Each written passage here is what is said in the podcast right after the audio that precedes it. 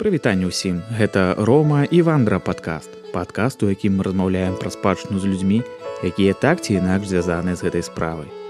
Спойлеры пра сённяшні выпуск былі яшчэ ў мінулым годзе. Тэма была запісана ў першым лонг-лісце па эпізодах. Аднак нешта да запісу не даходзіла справа. Размаўляць сёння будзем пра генеалогію то бок людскую спадчыну і як яна сутыкаецца з краязнаўствам. Сергей Андрыянаў гость сённяшняга эпізода сваім уласным прыкладам якраз і паказвае гэта стукненне. Даследаванне свайго роду правяло яго да даследавання ў вёскі лашанцы крупскага раёну, адкуль частка роду і паходзіць. Сёння мы размаўляем пра пошукі звестак у архівах, агульныя знаходкі з іншымі даследчыкамі, генеалагічны турызм, удзел у конкурсе ад акадэміі навук, а таксама пра напісанне кнігі. Будзе цікава, таму сядайце больш зручна і вандруем.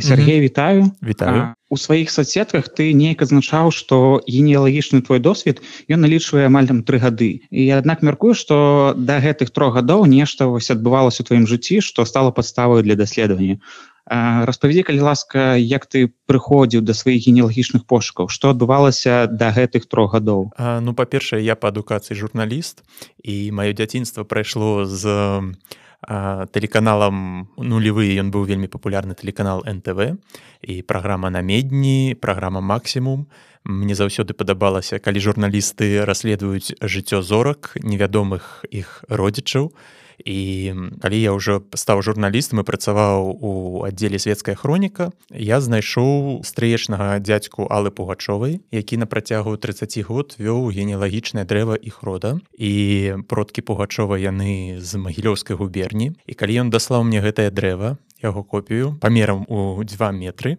І я тады ўпершыню гэта была восень 13 -го года упершыню задаўся пытанням Окей а у мяне ж таксама ёсць мае продкі. Я вось займаюся артыстамі гэта прыкольна але ж таксама і ў мяне ёсць нейкая гісторыя І я лічу, што гэта было першае зерне, якое пасаджана ў галаве і калі ў 15 годзе я выпадкова знайшоў сайт памяць народа, я там знайшоў роднага брата маёй бабулі які загінуў у другую сусветную вайну. І ён быў пахаваны ў літве. Ўсё што ведалі ў сям'і што ён недзе пахаваны ў літве. І гэты сайт дапамог мне менавіта знайсці месца вёску дзе ён быў пахаваны. І вось тады патрошку патрошку я пачаў збіраць інфармацыю. Хочу спытаць пра жывыя крыніцы. Ну гэта нейкая такая база что калі ты даследуеш там свой род то ты пачынаеш жывых крыніц бо гэта першае тое ж да чаго можна дасягнуць. Зачастую гэта там бабулі пра бабулі дзядулі пра дзядулі бацькі гэтак далей. Куды цябе заносіла геаграфічна у тым ліку і па лініі па па сваяках куды тебе заносіла ось калі ты шукаў нешта па жывых крыніц Ну глядзі я вось э, зразумеў вось і зараз разумею дакладна што э, гэтыя жывыя крыніцы яны перш-наперш як гэта девальвировать дэвальваць інфармацыю. Калі ты яшчэ навічок і нічога не ведаеш і пачынаеш по прозвішчу свайму нешта шукаць то табе здаецца што усе напрыклад там андрыянавы гэта ўсе твае продкі. І калі ты напрыклад не ведаеш мясцовасці адкуль пайшло гэтае прозвішча адкуль пайшлі твае продкі то табе здаецца што усе яны усе твае. І у мяне здарылася так што інфармацыя сама ішла да мяне у меня неяк не атрымалася са складанасцямі і нават пра ты адкрытыя крыніцы калі я трапляў туды то дапытлівы ум плюс магчыма практыка журналістыкі дапамагала мне зрабіць добрую аналітыку і сразу зразумець што і што адкрытыя крыніцы гэта добра гэта тое што зручна у онлайне рабіць і тая праца якую можна рабіць дыстанцыйна Аднак у офлайне таксама шмат ёсць інфармацыі. Як я казаў жывыя крыніцы першая по-другое гэта напрыклад тыя ж могліцы. Мяркую што ты праходзі праз эту ступень где ты збіраеш некую інфармацыю по ось по надмагільным гэтым э, помнік дык вось я зараз хачу яшчэ напрыклад сказаць што жывая крыніца таксама ёсць сайт аднакласнікі глядзі у мяне ёсць прадзед пра якога я нічога не ведаў. Мачальскі Сергей осіпавіч увогуле нічога не ведаў бо пасля вайны ён зышоў да другой сям'і і нават і сёння няма фотаздымкаў у нас яго. І я толькі пра яго ведаў што ён пахаваны ў менску на ўсходніх могілках. Гэтую магілу ніхто не даглядаў так былі ўсе пакрыўджаны ў сям'і. І неяк пару гадоў таму я паехаў на гэтай могілкі да дырэктара і мы знайшлі гэтую магілу яго. Яму паставіла помнік іншая жонка і калі я прыбіраў гэтую магілу это такая трохі гісторыя трохі з фантастыкі. Калі я прыбіраў гэтую магілу я так пра сябе казаў ну дзед э, тут парадак навядзем а ты падкінь інфармацыі пра сябе бо я ўвогуле не ведаў нідзе ён нарадзіўся ніхто ён нішто ён увогуле нічога не ведаў і праходзіць некалькі дзён я гуляю па менску шпацырую каля палаца рэспублікі і мне прыходзіць паведамленне у адну з сацетак Сергей вітаю А, а гэта ваш прадзед мачальскі Сергей Осіпавіч. Я нават замер. Я кажу так, так, гэта мой. А ён кажа: гэта і мой родзіч. Я даследаваў цалкам усю лінію мачальскіх. Вы мне дадзіце зараз дадзеныя па вашай лініі і я вам скіну ўсю ветку па мачальскіх. А высветлілася, што гэты хлопец, я думаю, ты яго, мабыць, ведаеш павел гадзінскі гэта мой шасціюрадны дзядзька атрымаўся і у мяне ёсць пра, калі казаць пра адкрытыя крыніцы у мяне есть таксама такая прывычка пісаць адна людзям з адным прозвішчам у аднакласніках і спытваць ці былі ў іх у сям'е такія людзі з такімі ініцыяламі і аказалася што гэты хлопец павел выйшаў да мяне праз вось аднакласнікі. Ну гэта цудоўная гісторыя нават да дрыжыкаў якія ў цябе былі адчуванні калі табе пісаў павал і ваши два радаводы яны сходзяцца? То бок ваши дрэвы там памнажаюцца на некалькі. Гэта было фантастычна. Я памятаю што я э, тады пайшоў у парк і недзе яшчэ гадзіну дзве прыходзіў у прамым сэнсе ў сябе бо гэта вельмі э, фантастычна па-сапраўднаму фантастычна і ты разумееш што наколькі свет ён насамрэч маленькі што мы можам быць адзін адному не толькі сябрамі але вось і далёкімі родзічамі Таму а былі яшчэ такія выпадкі калі нехта пісаў ці да цябе ці ты некаму пісаў і таксама той чалавек ён даследуе свой род ён займаецца генеалогіяй і у вас ваши вынікі вашай працы яны вось дапаўняюцца адзін адным ёсць такая яшчэ гісторыя што продкі па матчынай лініі часткова выехалі ў новосібірск 600 гадоў таму. І я таксама праз тыя ж аднакласнікі знайшоў іх і напісаў ім. І яны пісалі што яны ўвогуле як я вось пра мачальскага свайго Сергея нічога не ведаў так і яны адзінае што ведалі што іх дзед ці прадзед з беларусі з крупскага раёна і нават назвы вёскі не ведалі. І я ім такі багаж інфармацыі скінуў яны таксама былі ў шоку і яшчэ была гісторыя па гэтай жа матчынай лініі. Таксама продкі з'ехалі 100 гадоў таму і кідаў інфармацыю. Давай вернемся да э, офлайн э, пошукаў. mm -hmm дамогліц. Вось цікавая фантастычная гісторыя як ты знайшоў працяг свайго роду праз могілкі прадзеда. Ці былі яшчэ нейкія такія пошукі па могліцах збор нейкіх звестак з вясковых тым ліку могілак з гарадскіх? То што неяк неяк надавала табе больш інфармацыі для пошуку Ну слухай вось калі браць па матчынай лініі то гэта крупскі раён і я цалкам зрабіў інтэрв'ю сабраў інфармацыю з усіх магчымых. І я нават больш скажу Мачыма камусьці не прыйдзецца ехаць на могілкі каб займацца даследаваннем а дастаткова спытаць ва ўсіх магчымых якія только ёсць людзі родзячы по гэтай лініі сабраць звесткі інфармацыю. І мне здаецца гэта будзе больш прадуктыўна чым ехаць і шукаць на могілках у меня такі был во что я на могілкі не ехаў я спытваў усё і і дрэва складалася само сабой у меня таксама ёсць одна гісторыя что вось моя атрымліваецца пра бабка гэта дачка жукоўскага михаила які загінуў на першай светавой вайне. Усе не ведалі адкуль яна дзе нарадзілася яна недзе под фаніпалем недзе под фаніпалем нейкая вёска под фаніпалем і тут канешне я паехаў быў у плюс-мінус вёскі у якіх як мне здавалася яна магла жыць паехаў там паглядзеў па могілкі такі вопыт быў там паглядзеў але потым зноў вярнуўся ў архіў і на жаль па фаніпалю вельмі дрэнныя дакументы на пачатку два стагоддзя. І толькі адзін запіс адзін запіс дапамог зразумець што менавіта з самого фаніпаля самого фаніпаля mm -hmm. і тады я паехаў у сам фаніпаль. Гэта адбылося нават паўгады таму. Я паехаў сам фаніпаль. І хадзіў па вуліцы іспытваў людзей ці ведаюць яны здесь людзей з прозвішчам ліпай. Пазнаёмілі з гэтымі людзьмі гэта маі продкі аказаліся. І што самае цікавае у іх нават аказалася фатаграфія майго пра пра прадзеда і мы зараз э, сябруем.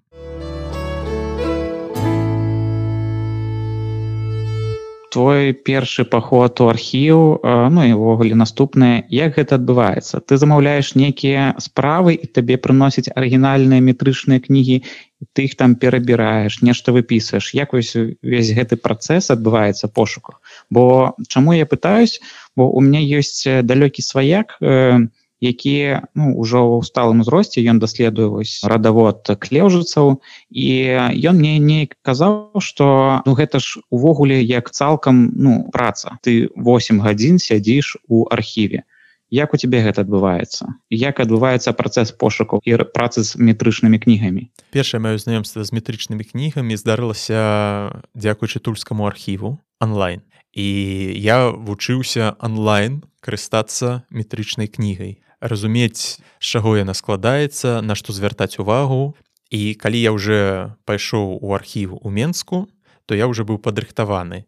Тут трэба казаць адна справа калі у архіве напрыклад тульскай вобласці захаванасць метрычных кніг 95соткаў то гэтую легенду гэтую інфармацыю што захаванасць па беларусі дрэнная увогуле і метрычных кніг і іншых дадзеных архіўных там спраў Таму я б уже быў падрыхтаваны і, напрыклад, па матчынай лініі па крупскаму раёну ў мяне ўсяго 14 захаваных кніг метрычных і адна рэвійская казка.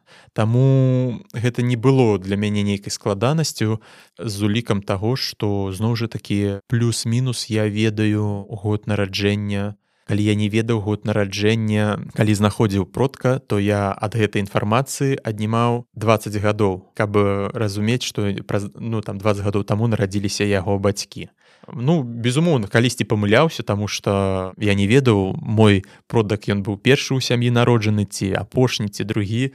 Потым калі я працаваў уже па менскай губерніі там трошки больш захавана кніг і вялікую складанасць у мяне вызывала праца з метрычнымі кнігамі уніяцкага перыяду бо я дрэнна чытаю па-польску ці старабеларуску Таму тут я уже прасіў людзей, каб яны глядзелі, памагалі мне з перакладам інфармацыі. Тым больш, што частка метрычных кніг па менскай губерніі она была 20 гадоў таму адлічбавана. І ў адкрытым доступе ёсць у інтэрнэце на генеалагічных рэсурсах і мне гэта дапамагала. А ты ведаеш эту вось э, гісторыю лічбавання мармонамі, Чаму гэта адбылася, э, чаму толькі частка гэтых справа адлічбавалася? І па якім прынцыпе гэта все праходзіла? Бо не ўсе звесткі ёсць не па ўсіх прыходах не па ўсіх годах і гэтак далей інфармацыі на жаль не ведаю але я зараз з вялікім зайздросцем назіраю за украінай як яны адлічбоўваюць. Вось як у нас у беларусі вырабляюцца трактары і машины дык зараз такая ідзе адлічбоку украінскіх архіваў увогуле я подпісаны на ўсе сацыяльныя сеткі архіваў Украіны і канешне тое што яны зараз робяць гэта неймаверна просто А ты не рэфлексаваў патрэбна гэта беларусі ці не? Ці гэта тое што яно не адлічбавана гэта нейкая камерцыйная частка архіваў каб яны ўвогуле існавалі? Ці патрэбна неяк перарабіць пераструктурываць бюджэт каб больш датацыі ішло ў архіў каб ім не патрэбна была гэта камерцыйная частка а яны самі его взяли адлічбавалі і ў вольны доступ все выклалі? Не было некай рэфлексіі что неабходна рабіць у нас у беларусі безумоўна я за тое каб у нас у беларусі была адлічбоўка усіх архіўных дадзеных каб яна была ў адкрытым доступе каб людзі маглі займацца самастойна ці праз камерсанта вывучэннем свайго радавода. Таму што я зразумеў менавіта на сваём вопыце што калі ты праходзіш гэты шлях вывучэння радавода ты вельмі шмат гутарыш сам сабой ты вельмі шмат задаеш сабе пытанняў пытанняў жыцця пытанняў смерці пытання кахання пытання нараджэння увогуле таких вельмі шмат філасофскіх пытанняў задаеш. І больш за тое я хочу сказаць что з вывучэннем радавода ты больш пачынаеш разумець сваю краіну гісторыю сваёй краіны ты больш пачынаеш разумець ну хто ты такі что ты такі. І я нават выступаю з такой ініцыятывай ну пока скажем не громко але калі ёсць магчымасць камусьці гэта казаць я заўсёды кажу что дзецям трэба здаваць у школе пасля 11 ці 9 класа не білеты по гісторыі беларусі а каб яны на працягу там цэлага навучальнага года рабілі радавод сваёй сям'і адкрыць нават для дзяцей там 16-18 гадоў магчымасць наведваць архіў бо праз вывучэнне радавода яны будуць разумець менавіта разумець гісторыю сваёй краіны. Так адбылося са мной. Я скажу что я не ведаў пра тое што у нас былі уніяты Ну я не ведаў. І я не разумеў што такое уніяты. Праз гэта я разумею як адбылася русіфікацыя імён. Увогуле чаму уніяты скажем так перайшлі ў праваслаўя праз якія падзеі. І на таком прыкладзе ты вельмі шмат чаго пачынаеш разумець. Таму калі справы архіўны будуць адлічбаваны і ў адкрытым доступе то гэта павысіць узровень грамадскасці ўзровень адукацыі грамадскасці. Я гэта падтрымліваю. Магу расказаць такі яшчэ прыклад што метрычныя кнігі дапамаглі мне знайсці інфармацыю як маё сённяшняе прозвішча прозвішча андрэянаў па-расейску андрянов узнікла. Ад каго яно ўзнікла і як яно ўзнікла? Вось гэта інфармацыя ў метрычных кнігах яна мне дапамагла што у майго прадзеда быў дзед. І у гэтага деда была сястра. Запісана ў метрычнай кнігі феафан семёнаў і елена семёнова і я ўсё ніяк не магу знайсці гэтага семёна ў гэтай вёсцы. Пачынаю глядзець суседскія суседнія вёскі.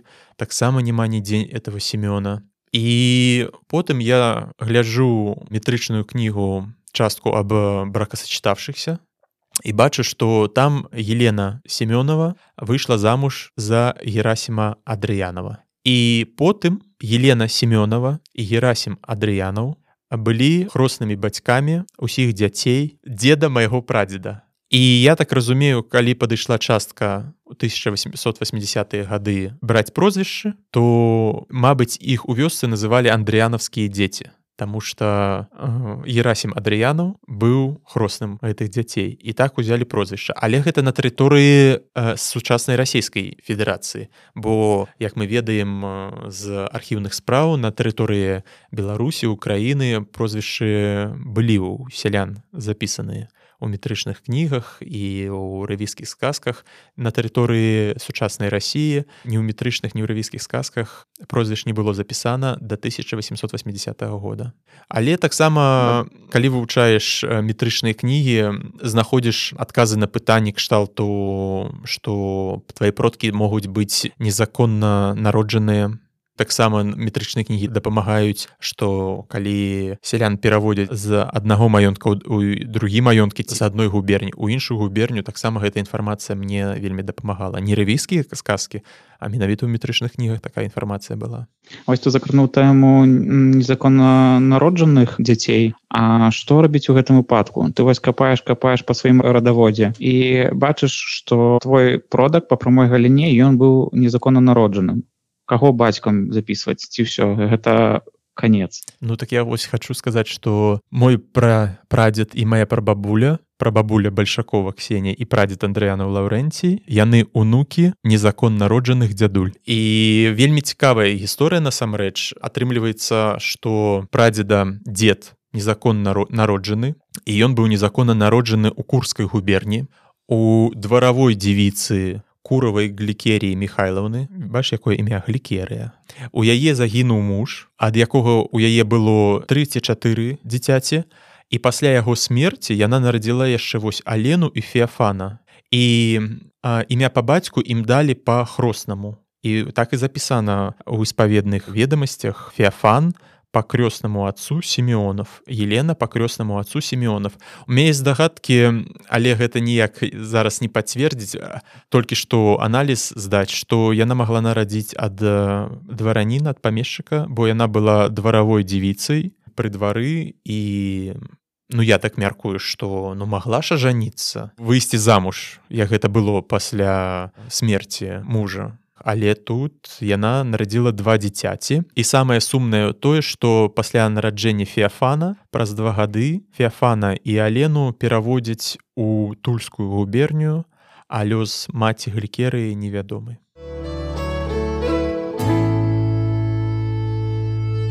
Глядзі у архівах яшчэ не толькі метрычныя кнігі не толькі рэвіскія казкі ёсць таксама яшчэ розныя гістарычныя справы накшталту там судовых спраў наколькі важна і неабходна іх даследаваць? Якую інфармацыю карысную там можна атрымаць? Слухай ну насамрэч калі ты уже вывучыў у цябе уже ёсць усё дрэва і калі у цябе працягваецца быць інтарэс да ўсяго гэтага ты пачынаеш вывучаць гэты усе іншыя справы судовыя і нават справы калі была вось гэтая рэформа адменна прыгоннага права калі яны як выкупалі у шляхцічаў панаў памешчыка сабе частку зямлі усе гэтыя справы і у мяне таксама такое было. Але гэта потым перарасло як ты ведаеш увогуле ў даследчую працу па напісанні гісторыі пэўнай беларускай вёскі дзе нарадзілася моя маці і вось гэта сам факт судовай справы ці іншай справы які звязаны з продкамі яго мне здавалася ўжо мала. Мне хацелася вось як ты тут э, лістаеш метрычную кнігу бо ты разумееш што ты шукаеш гэтага продка каб яго памясціць на агульнае дрэва. Так і тут мне ўжо здавалася мне мала інфармацыі судовай справы таму што гэта судовая справа а мне патрэбна яе ўставіць у нейкую частку чагосьці атрымліваецца не дрэва а даследчай працы. То есть я вось такой мэтай пачаў праглядаць іншыя дакументы справы. Нейкую новую інфармацыю менавіта для дрэва я там не знаходзіў але знаходзіў інфармацыю як і разуменне як жылі продкі ў тыя часы чым яны жылі якую справу мог бы назваць самую каштоўную дзе там звесткі з яе тебе вось вот, да дрыжкаў захапілі Ну я скажу так что у апошнім часам я працую больш з архівам мінскай вобласці і ён за перыяд даваеннага і мяне больш захапіла як праходзіла кулацкая гісторыя на пачатку 30-х гадоў тым што мой прадзед ён быў інвалідам і нават з тым што ён быў інвалідам і ён запісаны быў у вёсцы як бедняк і нават ён выконваў цвёрдае заданне. Вось гэта пра тое што я табе ўжо казаў што з вывучэннем радаводы ты таксама пачынаеш вывучаць гісторыю сваёй краіны. Я пачаў угугліць што такое цвёрдае заданне. А цвёрдае заданне гэта ёсць частка палітыкі раскулачвання сялян. Калі ім даецца менавіта асобае заданне ад астатніх сялян. І калі яны яго не выконваюць то ў іх забіраюць частку маёмасці частку зямлі і гэтак далей.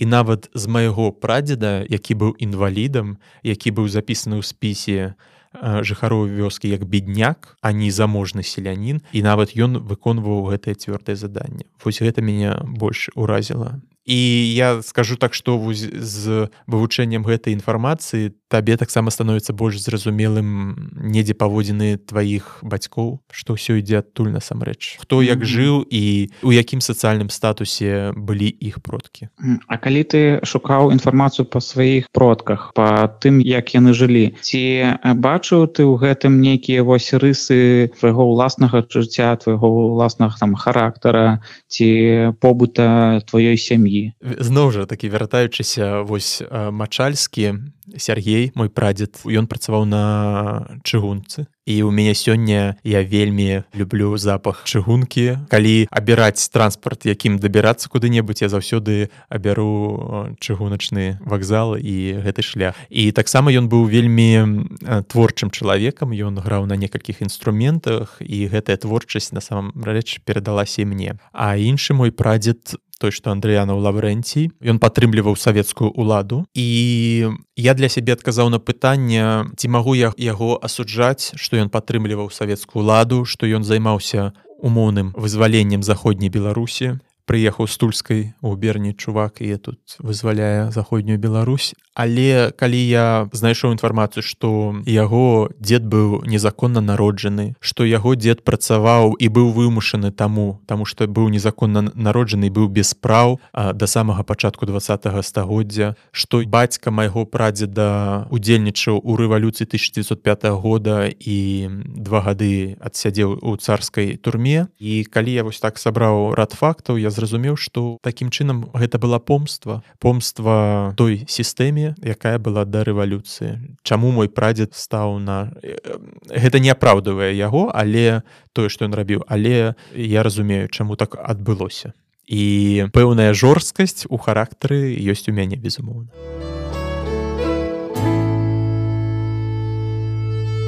я хотел распытаць увогуле про твае вынікі ты пішаш что даследаваў рот там на некалькі стагоддзяў углыб да чаго ты дакапаўся колькі сваякоў табе вядома дзе яны жывуць якая геаграфія можешь распавесці крыху пра свае вынікі пра вынікі мой самы галоўны вынік калі казаць пра глыбіню то той што дайшоў до 1590 года калі нарадзіўся на сёння мой першы вядомы продак гэта герасім грибанов нават прозвішча яго ведаю грыбанаў. І маё дрэва сёння налічвае каля 40 прозвішчаў. І ў першую чаргу я калі шукаў я шукаў менавіта тых людзей якія маюць да мяне кроўнае паходжанне. Не тое что там ветка ідзе по маёй цёце некуды туды туды. Мяне больш цікавілі тыя людзі з составу якога я састаю з іх составу умоўна кажучы. І зараз я пачынаю вось уже выйшаў на той узровень ўзровень калі я уже пачынаю шукаць уже вось там сем'і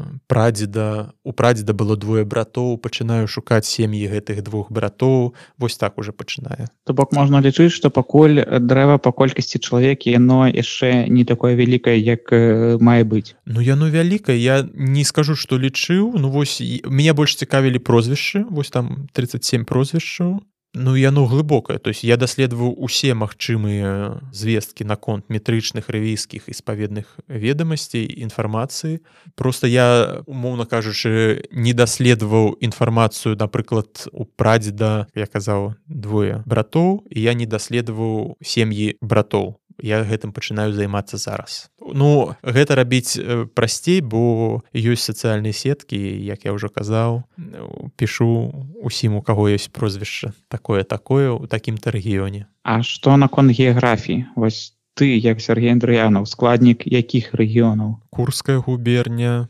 тульская владимирская мінская магілёўская і што яшчэ зараз пачынаю рабіць то есть вось я запісаўся зноў у архіў. Я пачынаю ось я разумею что прозвішча галенка яно прыйшло у крупскі раён у канцы 18 стагоддзя. Першы чалавек з такім прозвішчам там запісаны. Але я бачу что у сенінскім раёне пражываюць людзі з такім жа прозвішчам і ў мозырскім і я вось зараз хочу даследаваць ці не перасякаюцца ли менавіта там у 18-19 стагоддзе мае продкі з гэтымі людзьмі каб разумець что усе галенкі якія ёсць на тэрыторыі беларусі сёння гэта ўсе мае галенкі. А наконт геаграфіі дзе ты бабваў генеалагічны турызм есть такая з'ява гэта калі ты вандруеш по тых мясцінах якія звязаны з сваім родам калі ты даследуеш вандруеш. Вось ты назваў шэраг расійскіх губерній мінскую губерню непасрэдна крупскі рэгіён дзе ты бываў калі ты даследаваў? Два гады таму у мяне было жаданне з'ездзіць у тульскую вобласць каб пабачыць адкуль прыйшлі андрыянавы і я паехаў і калі я прыехаў то на месцы дзе была вёска было просто поле. І глыбока ў поле ад дарогі кіламетраў 78 стаіць і сёння стаіць царква 18 стагоддзя. Царква у якой былі ахрышчаны усе мае андрыянавы перад тым як яны там ну аказаліся і я хочу сказаць что ўражанні па эмоцыям я іх нават і сёння захаваў у сябе гэтыя эмоцыі адна справа калі ты едзеш у фаніпаль А калі ты едзеш некуды туды далёка і поле і ты разумееш што тут прайшло дзяцінства тваіх продкаў і недзе яшчэ бачны фундаменты гэтых дамоў і ты плюс-мінус можаш уявіць сабе якая гэта была вёска что тут адбывалася. І вось гэтая поездка мяне вельмі ўразіла. А так безумоўна я быў і ў крупскім раёне ў вёсцы лашанцы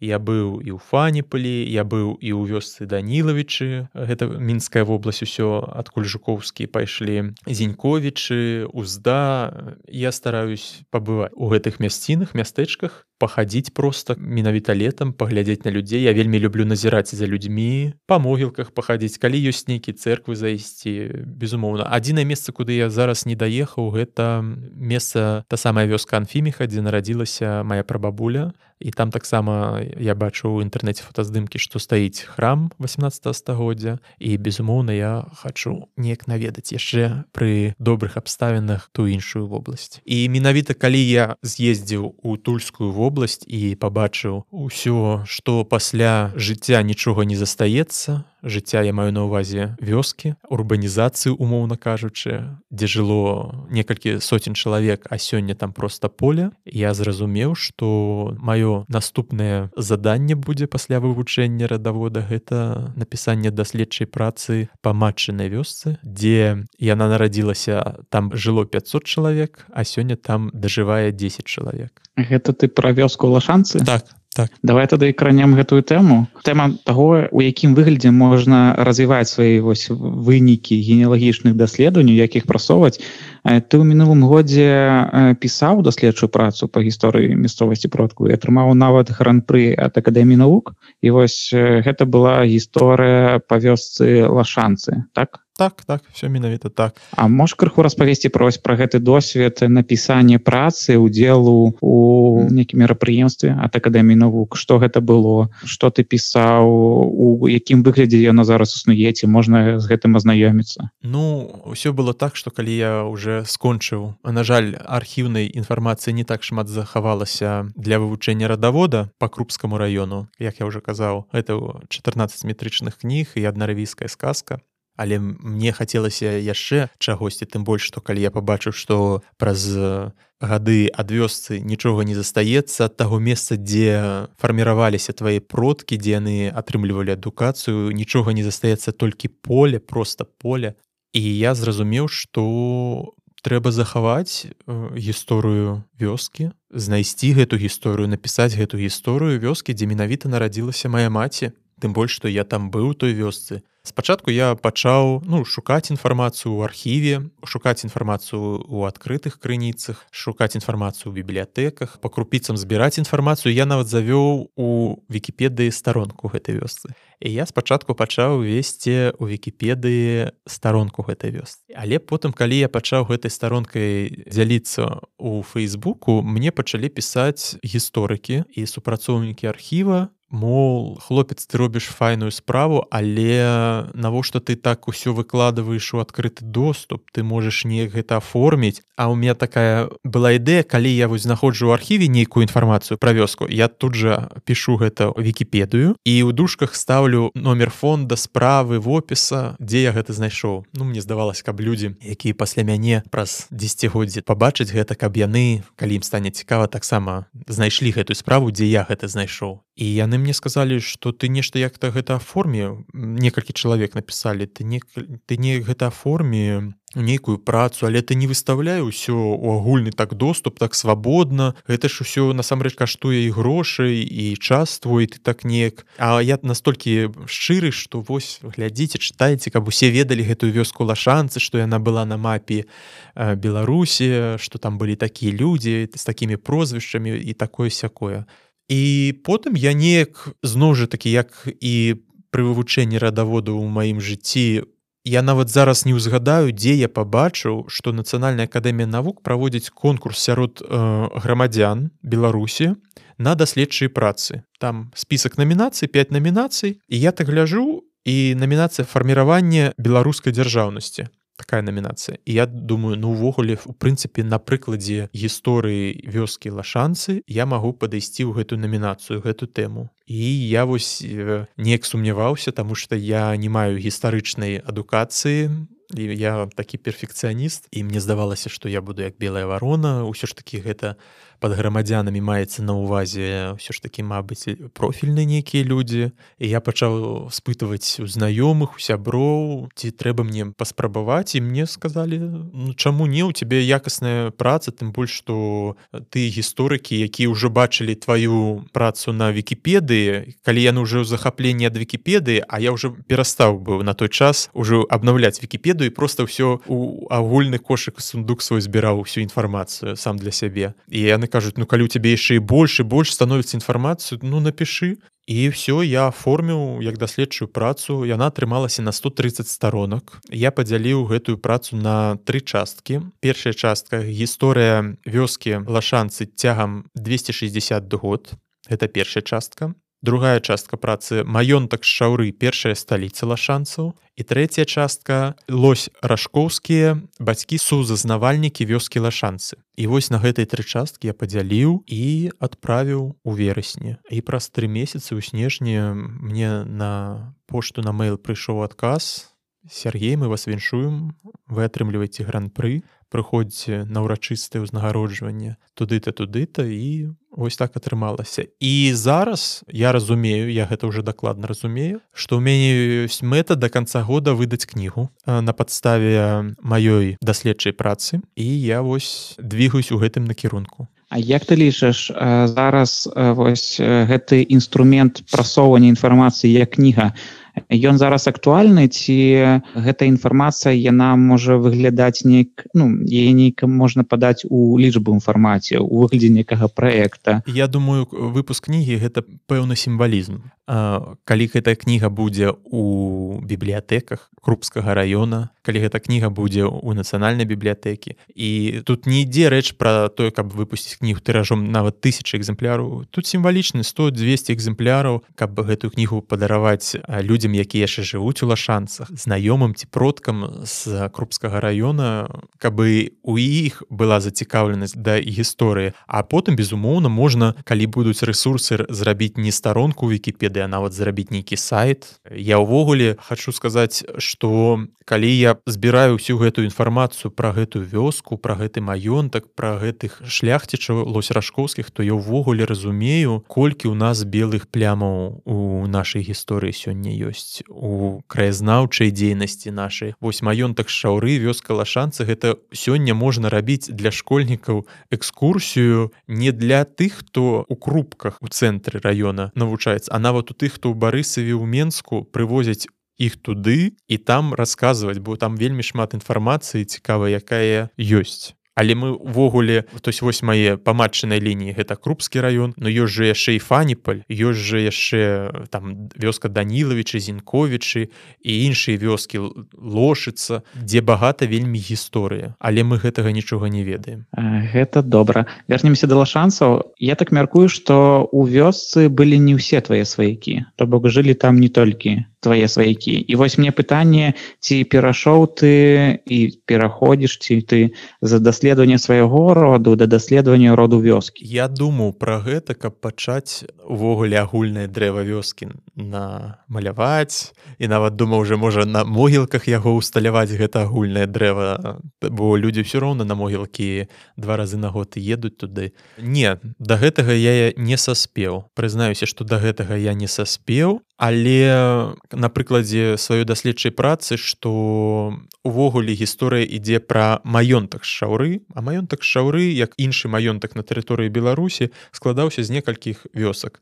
І таму калі нешта адбывалася нейкая гісторыя ў суседняй вёсцы і яна неяк пераклікаецца з лашанцамі яшчэ то тады я безумоўна гэтую інфармацыю таксама дабаўляю у сваю даследчую працу. І я больш таго скажу што калі я пачаў даследаваць гісторыю вёскі лашанцы я знайшоў дакументы як мае продкі выкупалі зямлю ў лашанцах а самі яны жылі у суседняй вёсцы гута. То бок мае продкі жывуць у лашанцах только з 1868 года. Да гэтага яны жылі ў гуце. Я тады ну уже праца шмат зробленая думаю ну вось прыехалі пісаў пра лашанца насамрэч спадчына гэта гута. Ну вось так такі выпадак быў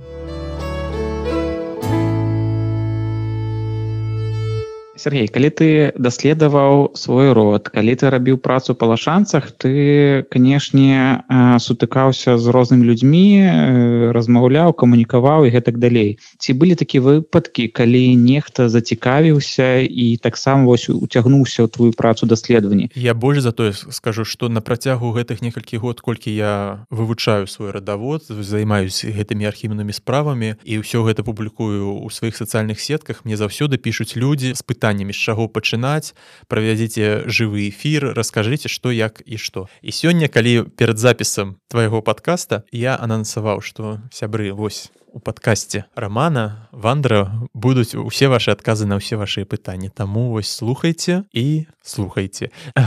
Да таму безумоўна таких людзей я магу смело казаць что чалавек 10 ёсць якія пачалі таксама займацца вывучэннем свайго радавода наконт стаўлення да тваіх даследаванняў як ставіцца да пошукаў і да даследавання вёскі жыхары і нашчадкі лашанцу. Ці ёсць нейкі фідбэк ад іх? Ёсць фідбэк. Я, сёння шмат кажу пра соцсеткі аднакласнікі мне ўжо самому здаецца што я быццам рэкламую яе. Але насамрэч просто там людзі сталага ўзросту асноўным 50 плюс ёй карыстаюцца.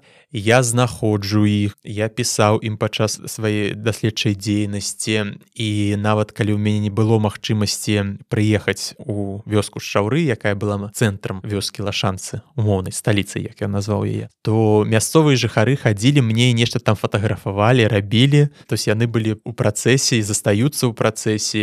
Больш за тое что я знайшоў простыя ж аднакласнікі жыхарку вёскі шчаўры і ў яе сястра. І сястра атрымліваецца на сёння гэта самая старэйшая жыхарка гэтай вёскі. Яна там 30 -го года нараджэння ці якога. І яна яшчэ застала царкву у гэтай вёсцы. Царкву 18 стагоддзя. На жаль фотаздымкаў царквы я нідзе не магу знайсці ні ў архіву у дзяржынск ездзіў нідзе не магу знайсці фотак здымак царквы.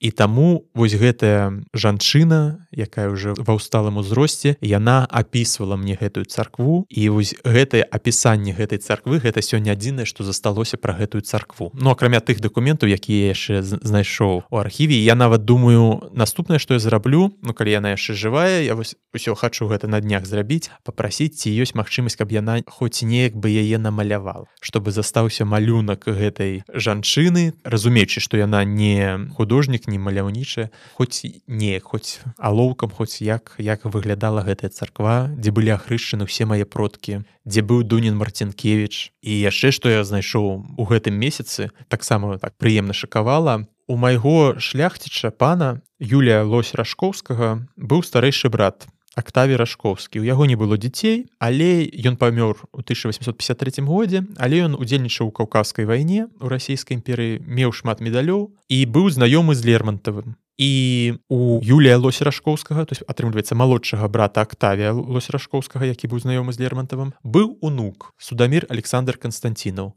і вось гэты унук у 1940 годзе калі ён пражываў у Киеве ён прадаў літаратурнаму музею у горад Москва карціну Михаила Лермонтова і сёння гэтая карціна вісіць у доме музея лермонтова у Маскве. І я напісаў гэты дом музей лермонтова напісаў свае вывады даследчыя што гэтая карціна могла быць падаравана михаилам лермонтовым актавію лось рашкоўскаму у сярэдзіне 19 стагоддзя. І то есть что у нейкіх шчаўрах у нейкіх ну па сённяшняму паняццям у нейкіх шчаўрах у нейкіх лашанцах вісела карціна михаила лермонтова якая сёння вісіць у доме музея лермонтова ну фа файна. А што музей адказаў? Я попрасіў іх э, у архіве пашукаць інфармацыю ці засталіся нейкія справы дакументы пра гэтую карціну як яны я набывалі у 1940 годзе. Вот зараз усё гэта ў працэсе яшчэ што мне вось падабаецца што мне атрымалася знайсці. Напрыклад тут раней мы ведаем герб давалі калі нейкі горад мястэчка атрымлівала магдыбургскае права у них быў свой герб. Так вось я знайшоў самых першых жыхароў лашанцаў якія будавалі за сценак з гэтай тэрыторыі якія яны атрымалі ад сапех яшчэ у 1760 годзе. І гэта былі род крукоўскія ждановічы. І гэты род ён меў свой герб. І вось дзякуючы супрацоўнікам архіваў менску я ведаю гэты герб яны мне далі са справы архіўнай. І увогуле можна казаць што ў лашанцах ёсць цяпер свой герб.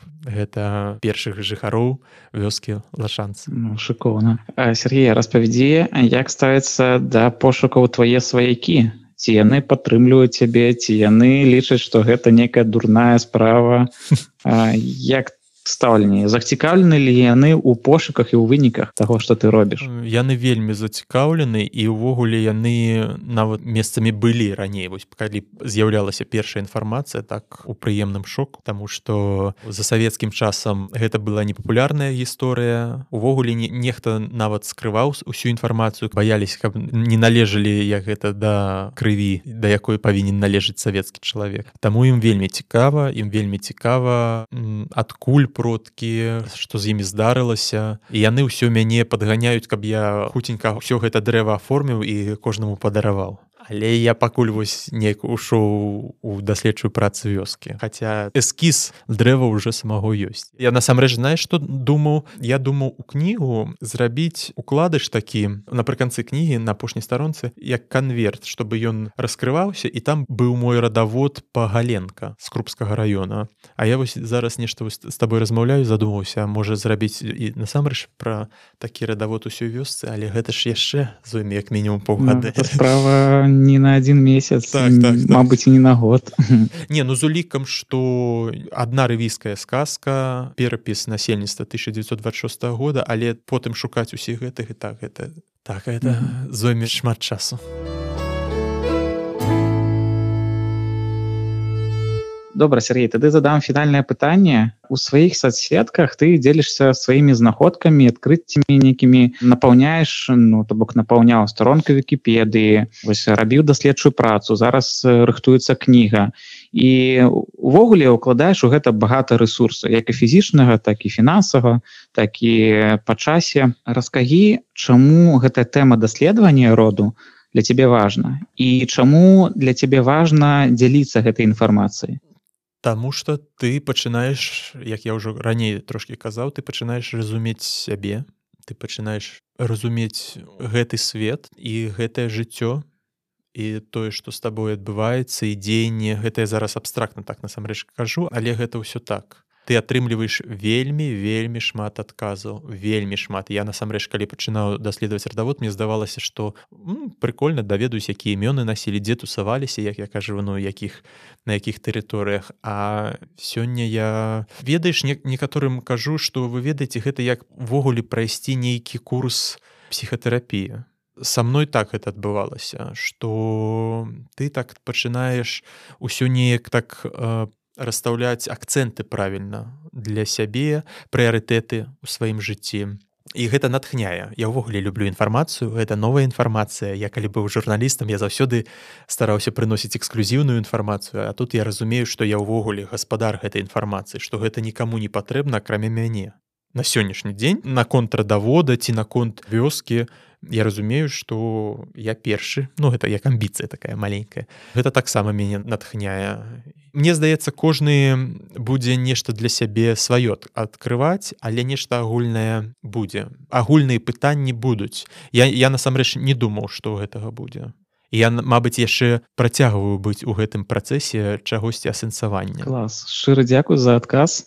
Шчыра дзякую за размову. Будемм чакаць кнігу будем так. чакаць нейкіх звестак пра лашанцы каб гэта стала нейкі краязнайчую кропкай у крупскім раёне. Насамрэч крупскім раёне я не так шмат ведаю месцаў куды паехаць. І калі я маляваў скрэч мапу то там было не шмат не шмат кропак якіх я адзначаў не шмат кропак якія ілюстраваў. Э, таму так чакаем чакаем. Але яшчэ напрыканцы дабаўлю што калі я займаўся даследаваннем гісторыі вёскі я такой думаю блин ну вёску знясуць Окей застанецца моя інфармацыя але ж тут тут была вёска тут стаялі домікі тут усё было і мне захацелася чтобы мне насамрэч вельмі захацелася знайсці кагосьці хто тут такія нарадзіўся славуты славуты для краіны чалавек. І як гэта адбылося я адправіў інфармацыю космас і мне прыйшоў адтуль ответ што насамрэч вось я знайшоў у архіве акадэміі навук што вёсцы лашанцы у 1897 годзе нарадзіўся прэзідэнт акадэміі навук прафесор навуковец батанік Васіль феафілавіч купрэвіч цікава што ў менску есть вуліца купрэвіча мае вокны выходзяць на вуліцу купрэвіча. Я люблю сімвалізм. Але калі паглядзець сёння афіцыйную біяграфію гэтага навукоўца то паўсюль ідзе інфармацыя што ён нарадзіўся ў смалявіцкім раёне. Нават у смалявічых гімназій у яго гонар названа. І я вось усё у вырашаю які момант гэта моя інфармацыя находка павінна зваліцца на крупскі райвыканкам у акадэмію навук і ў смалявіцкі райвыканкам што трэба помнік ставіць у лашанцах бюст купрэвічу. Клас ну гэта гэта цудоўна. Будемм тады чакаць яшчэ і помнік. Так так так. Ну каб бы што тут была яго вёска. Э, добра. Дзякуй Сергею Дякую за запрашэнне было прыемна з аднадумцам паразмаўляць Тэма даследавання радавода суперблізкая і для мяне. Бо па сутнасці краязнаўчы праект чучавіцкі край гэта яшчэ адзін кейс перахода ад даследавання роду да вывучэння краю. Тэма суперзаймальная, бо адчуваеш сябе сапраўдным даследчыкам. Шукаеш інфармацыю, аналізуеш яе, правяраеш, наладжваеш стасункі жыхарамі краю, каб сфарміраваўся нейкі давер. А яшчэ гэта тэма суперкарысная. Пра вёску лашанцы, які вёскі чучавіцкага краю гадоў некалькі таму мала хто ведаў, А тут робіцца лакальны краязнаўчы праект. І людзі нешта дазнаюцца пра гэтыя мікрарэгіёны. А цяпер давайте ўявім, што кожны з вас возьме і даследуе свой лакальны мікрарэгіён, а потым падзеліцца гэтым з грамадствам. Атрымаецца супер асветніцкая справа і грамадства стане на крок інфармаванні. Даследуйце свае карані, даследуйце свой край. У апісанні будзе спасылка на сервіс патрыён, дзе можна падтрымаць праект вандра. Праект ужо падтрымала 8 чалавек і за гэта ім шчыры дзякуй. А каб не страціць наступныя эпізоды, подписывайтесь на падкаст і сацыяльныя сеткі праекта вандра. Вандруем!